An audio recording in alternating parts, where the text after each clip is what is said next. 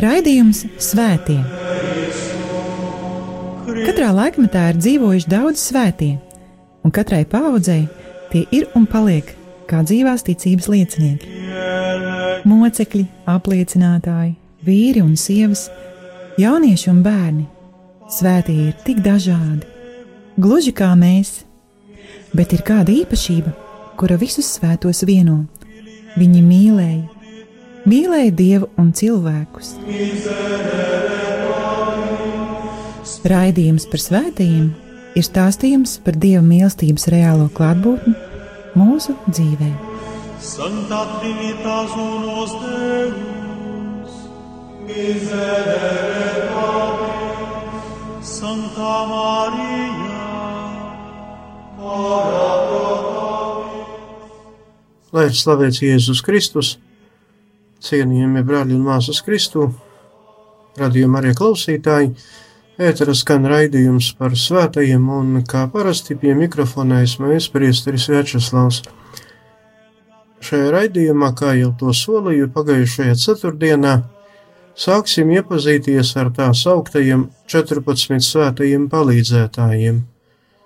Šo svēto aizbildniecību baznīca ir piesaukusi un piesauc īpaši grūtajos un sarežģītajos apstākļos. Šoreiz atgādināšu par svētajiem, kurus visticamāk diezgan labi pazīstam, un tie ir Svētā Jaunava un Mocekle Barbara, Svētais Juris, jeb Georgijs, un Svētā Mocekle un Jaunava Aleksandrijas Katrīna. Par viņiem esmu jau stāstījis iepriekšējos raidījumos, tomēr lai viss mūsu dzīvē normalizētos, lai mēs uzvarētu cīņā ar koronavīrusa uzbrukumu, kopā ar viņiem un daudziem citiem svētajiem tuvosimies pie Dieva žēlastības un žēlsirdības troņa un lūgsim kungu Dievu, visa redzama un neredzama radītāju, pasargāt gan mūsu pašus, gan mūsu ģimenes, gan visu mūsu tautu, visu pasauli no visa ļauna. Kopā ar viņiem visiem svētajiem, sauksim svētais Dievs, svētais varenais Dievs, svētais mūžīgais Dievs, apžēlojies par mums. De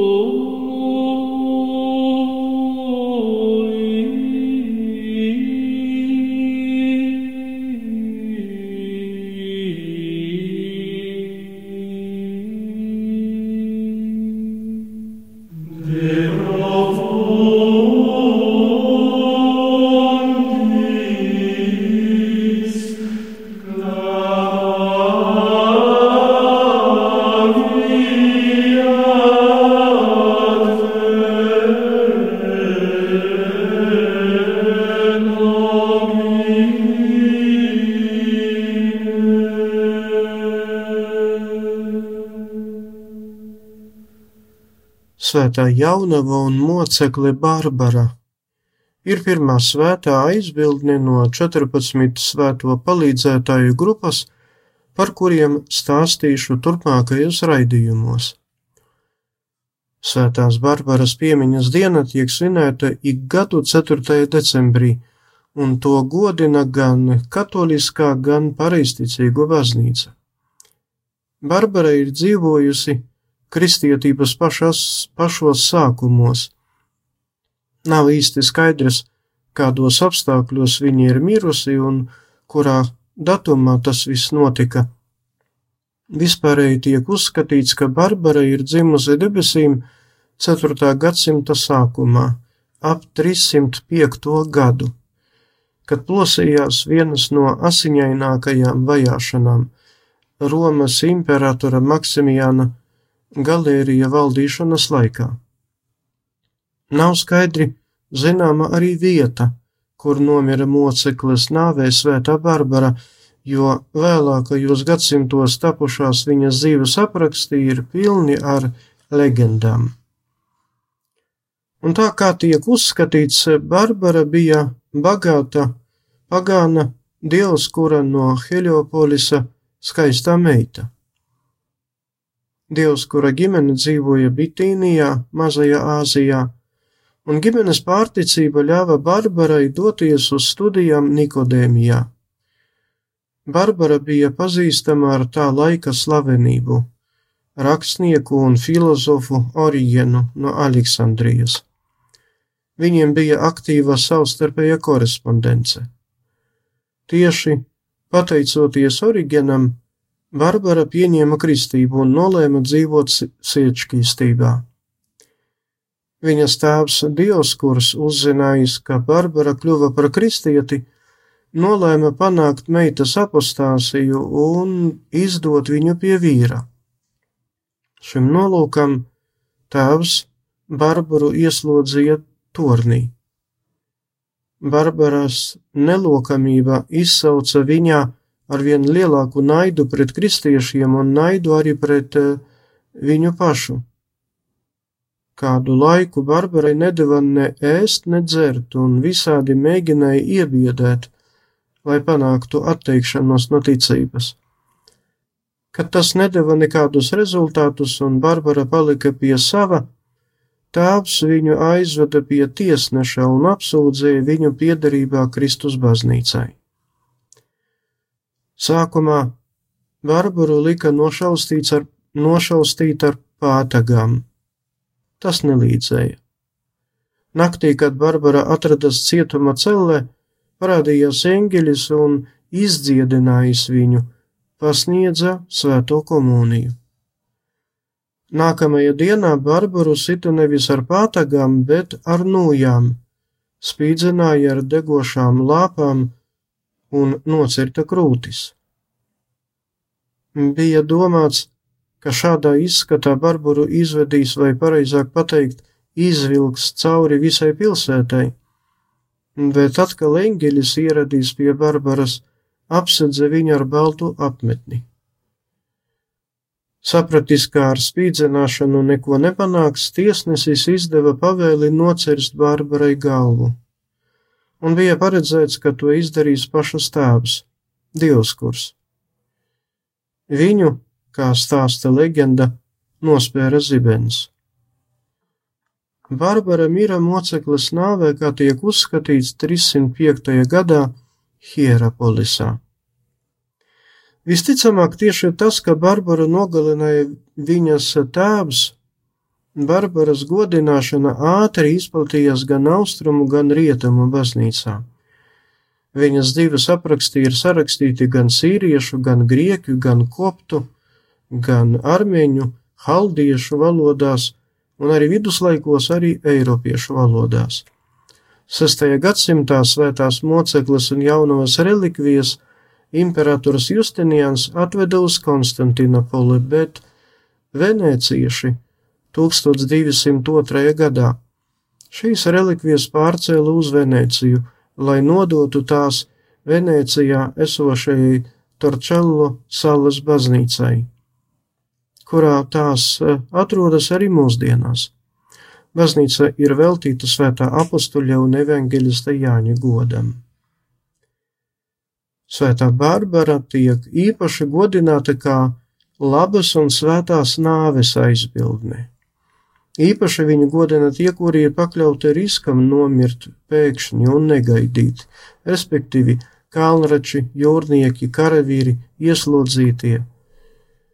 Svēto Barbaru kā savu aizbildni godina arī arhitekti, galdnieki, zvaņķi, kalēji, mūrnieki un daudzu citu profesiju pārstāvji. Koronavīrusa nelaimē pakļauti mēs e, esam visi, gan tie, kuri jau ir saslimuši, gan tie, kuri cenšamies ievērojot visus noteikumus no šī vīrusa paglābties, gan tie, kuri nodrošina kārtību, gan mediķi, gan veikalu darbinieki, gan garīdzniecība. Lai svētās Barbaras aizbildniecība mūs pasargā no pēkšņas nāves, kad aizejam no šīs dzīves nesagatavoti, bez dieva žēlastības un grēku piedošanas. Parasti svēto Barbaru attēlo kā jaunavu ar kroni galvā Savās rokās viņa tur biķeri un hostiju. Kā jau teicu, īsi pirms nāves eņģelis atnesa Barbarai evaharistiju, svēto komuniju. Nereti svētā Barbara tiek attēlota ar torni pie kājām. Tornim ir trīs logi, kuri atgādināja svētējai par trīsvienīgo dievu. Viņa tiek attēlota arī ar zobenu, ar kuru nocirta viņai galvu. Šķiet, ka mūsu zemē nav nevienas baznīcas un laikam arī neviena altāra, kas būtu veltīti svētās Barbaras godam.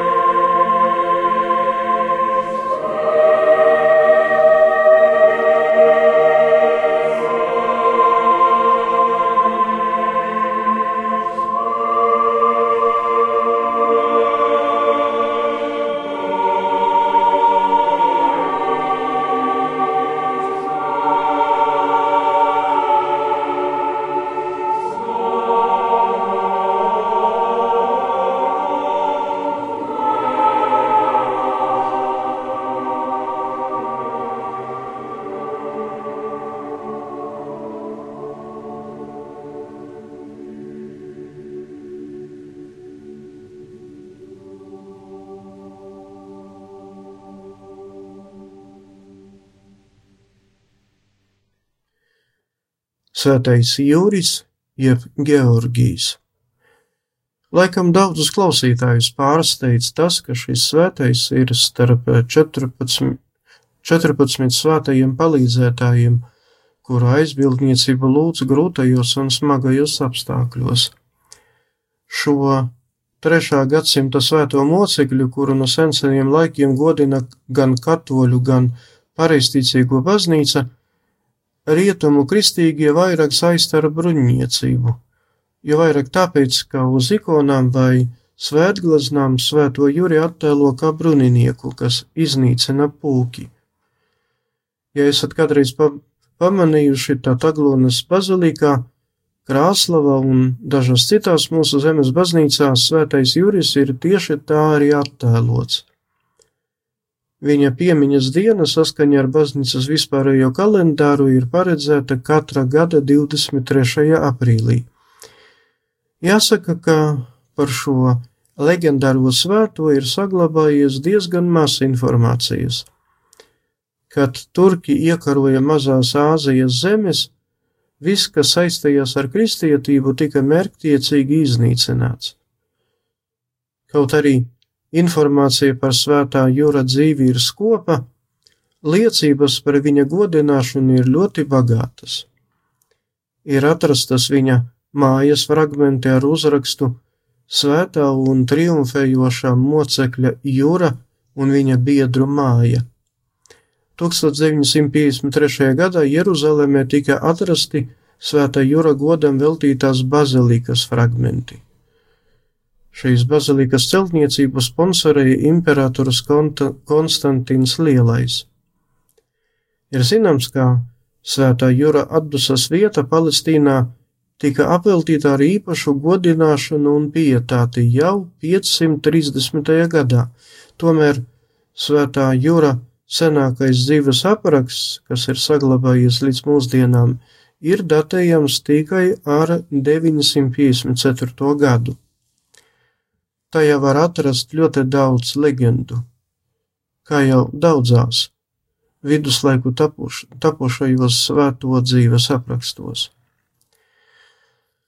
Svētā jūra dzīves apraksti apgalvo, ka viņa tēvs bija Gerondijos persietis, bet māte Polihronija no Kapadokijas ebrejiete. Ilgus gadus viņiem nebija bērni, un Jūris piedzima tikai pateicoties gadiem ilgstošajai lūkšanai. Pasniedzis jaunekļa, sasniedzis jaunekļa gadus, Juris tāpat kā viņa tēvs iestājās Romiešu leģionā, kur veiksmīgi kāpa pa karavīra karjeras kāpnēm un sasniedza augstāka oficiera rangu. Imperatora Diokleciāna, Diokleciāna valdīšanas laikā, kad izcēlās kristiešu vajāšanas, Juris jau bija par tribūnu, jeb garnizona priekšnieku. Kad imperators uzturējās Nikodēmijā, svētais Juris bija viens no viņa personīgajiem apsargiem. Imperatora pavēle noteica visiem Romas leģionu karavīriem, apliecinot savu lojalitāti pret imperatoru un valsti, pienest romiešu dievekļiem upurus. Rituāla izpildīšana tika prasīta no katra karavīra atsevišķi. Svētais Juris, nojausdams, kas viņu varētu sagaidīt, izdalīja savus īpašumus nabagiem. Kad viņš atteicās pienest upurus elkiem, Juri pakļāva īpaši nežēlīgām mocībām citiem par iebiedēšanu. Daži no viņa dzīves aprakstiem saka, ka mocības ilga septiņus gadus. Viņu ik pēc kāda laika sita krustā, tad ņēma no tā un atkal sita krustā. Beigās Juri nomocīja uz rata. Šis ciešanas un mocības bija patiešām kaut kas neaprakstāms un briesmīgs, ja jau austruma baznīca svēto Juri sauc par visu mocekļu karali. Austrumu baznīcā svētā jūra godināšana bija un joprojām ir ļoti populāra. Viņa aizbildniecību piesauca uzreiz pēc visvētākās jaunavas Marijas un svētā Mīkeļa. Eģiptē un Kiprā bija uzbūvētas 60 baznīcas viņa godam, un šajās zemēs nebija nevienas svētnīcas, kurā nebūtu svētā jūra ikonas. Jeruzalemē svētā jūra godam baznīca jau bija uzbūvēta 4. gadsimtā, bet kopš 6. gadsimta klosteris Svētā jūra godam. Tajā pašā 6. gadsimtā baznīca un klosteris tika uzcelti arī Jērikā.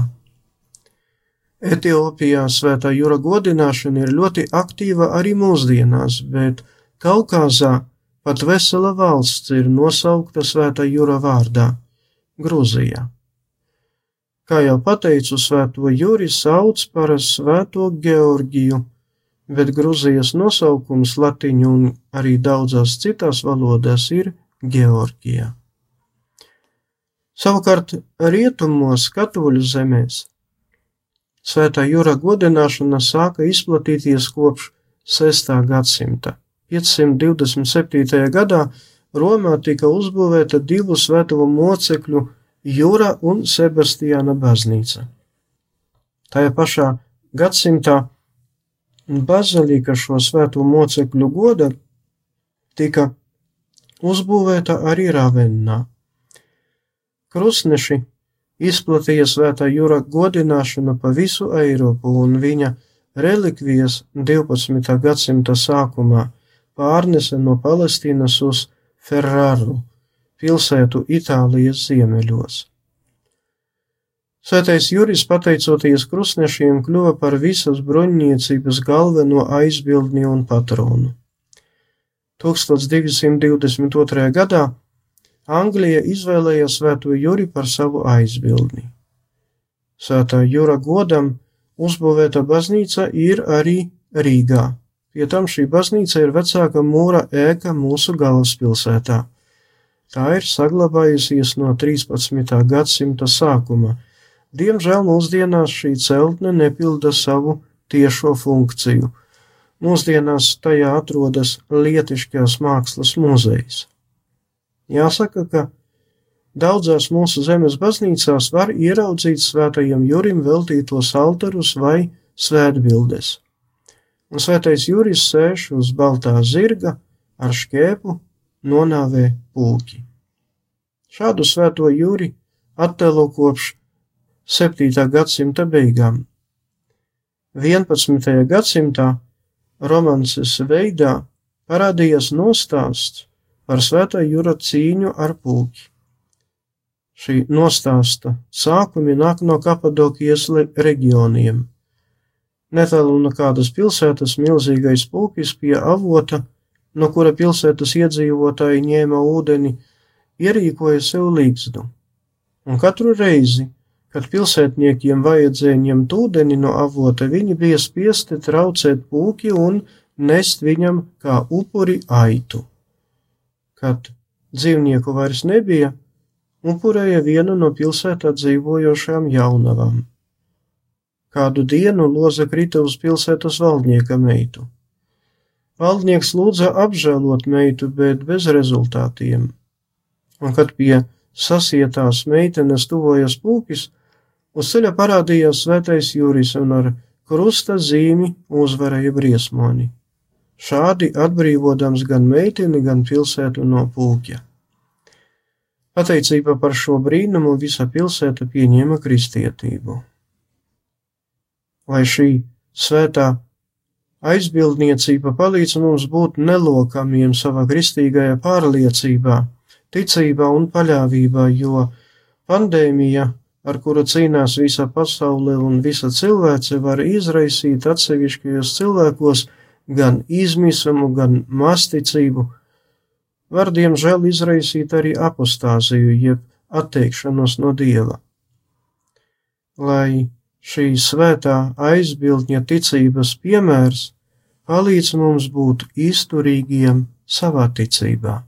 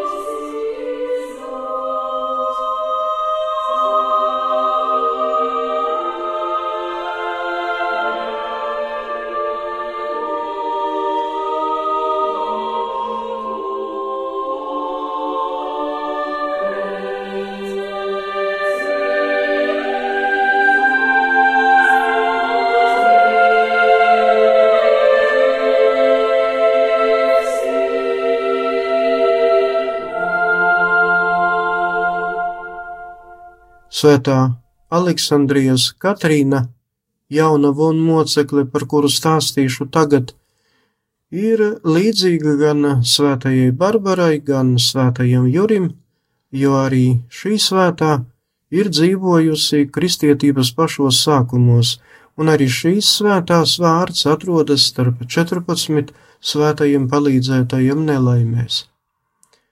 Starp citu svētās Aleksandrijas Katrīnas attēlu var redzēt kuldīgas pilsētas gerbonī. Šī svētā attēlotā ar zobenu rokām, bet pie svētās kājām atrodas rats. Svētā Katrīna iemantoja ļoti lielu popularitāti un godināšanu austrumu kristīgajā baznīcā. Tāpat kā svētās Barbaras gadījumā, arī par svēto Katrīnu jaunumu un mocekļi ir saglabājušies maz vēsturiski pamatotu faktu. Eksistē divi svētās Aleksandrijas Katrīnas mocekļības apraksti. Abi ir datējami ar 6. gadsimtu un, ir pilni ar leģendām. Ar laimi tika atklātas dažas liecības no 4. gadsimta, kuras satura informāciju par Katrīnu un laikiem, kuros viņa ir dzīvojusi. Vēl jāpiebilst, ka par svēto Katrīnu un Aleksandrijas stāsta svētais Rufīns un arī Palestīnas Cezarejas Euzēbijs. Un tā, Saskaņā ar līdz šim zināmām liecībām par Svēto Katrīnu, viņa ir dzimusi Aleksandrijā, Ēģiptes senajā galvaspilsētā. Bija labi izglītota un bagāta. Tāpat kā daudzas tā laika svētās jaunavas, Cecīlija, Barbara, Kristīne, arī Svētā Katrīna salika sirdsšķīstības svētsolījumu. Romas imperatora Diokleciāna valdīšanas laikā izcēlās visbrutālākās visā baznīcas vēsturē vajāšanas. Imperatoru atbalstīja viņa līdzimperatori Galērijas Maksimijāns un Konstantins I.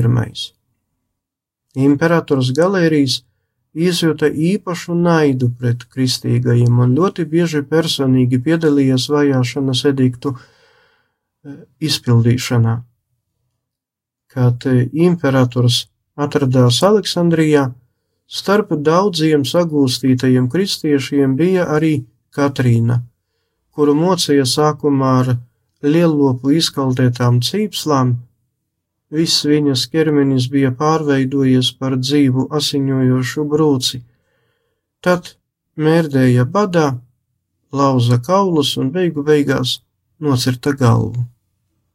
Leģenda apgalvo, ka Katrīna bija imperatora radiniece. Tā pati leģenda stāsta, ka Katrīna atteica pašam imperatoram kļūt par viņa sievu.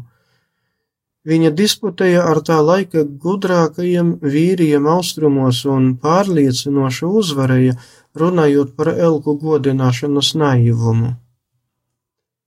Redzot viņas mokas un ciešanas kristību, pieņēma vairāki simti karavīru. Svētā, svētās Katrīnas eh, relikvijas nu jau vairākus gadsimtus atrodas uz Sināja kalna pareizticīgu klosterī. Vārds Katrīna tiek eh, tulkojams kā vienmēr šķīsta. Tā ir sieviete, kuras dzīve ir patīkama dievam un ir piepildīta ar dieva gudrību. Daudzi, jo daudzi cilvēki, iedami savas dzīves takas, nevienu vien reizi piedzīvo kritienus, apdraudējumus, asus pagriezienus, piedzīvo arī tumsas brīžus un pat garākus posmus. Arī tagadējo laiku pandēmiju var uzskatīt par tādu tumsas periodu. Lai Svētās Aleksandrijas Katrīnas aizbildniecība pasargā mūs no izmisuma un depresijas un palīdz cerīgi skatīties uz savu nākotni, kura nav saistīta tikai ar šo pasauli, bet ir vispirms saistīta ar Kristu un debesu valstību. Raidījuma beigās Lūksim šo svēto aizbildņu palīdzību, lūdzot, lai viņi mūs stiprina ticībā un pārliecībā, ka Dievam pieder vara absolūti pār visu, un Viņš valda uz mūžīgiem laikiem, gan debesīs, gan virs zemes. Amen! Lai ir slavēts Jēzus Kristus!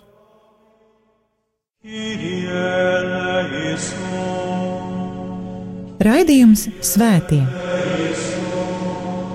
Katrā laikmetā ir dzīvojuši daudz svētie, un katrai paudzei tie ir un paliek kā dzīvās ticības liecinieki. Mocekļi, apliecinātāji, vīri un sievas, jaunieši un bērni. Svētie ir tik dažādi, gluži kā mēs, bet ir kāda īpašība, kura visus svētos vieno Viņi mīlēja, mīlēja Dievu un cilvēkus. Raidījums par svētījumiem ir stāstījums par dieva mīlestības reālo klātbūtni mūsu dzīvē. Santa Trinitas unos Deus, miserere nobis, Santa Maria, ora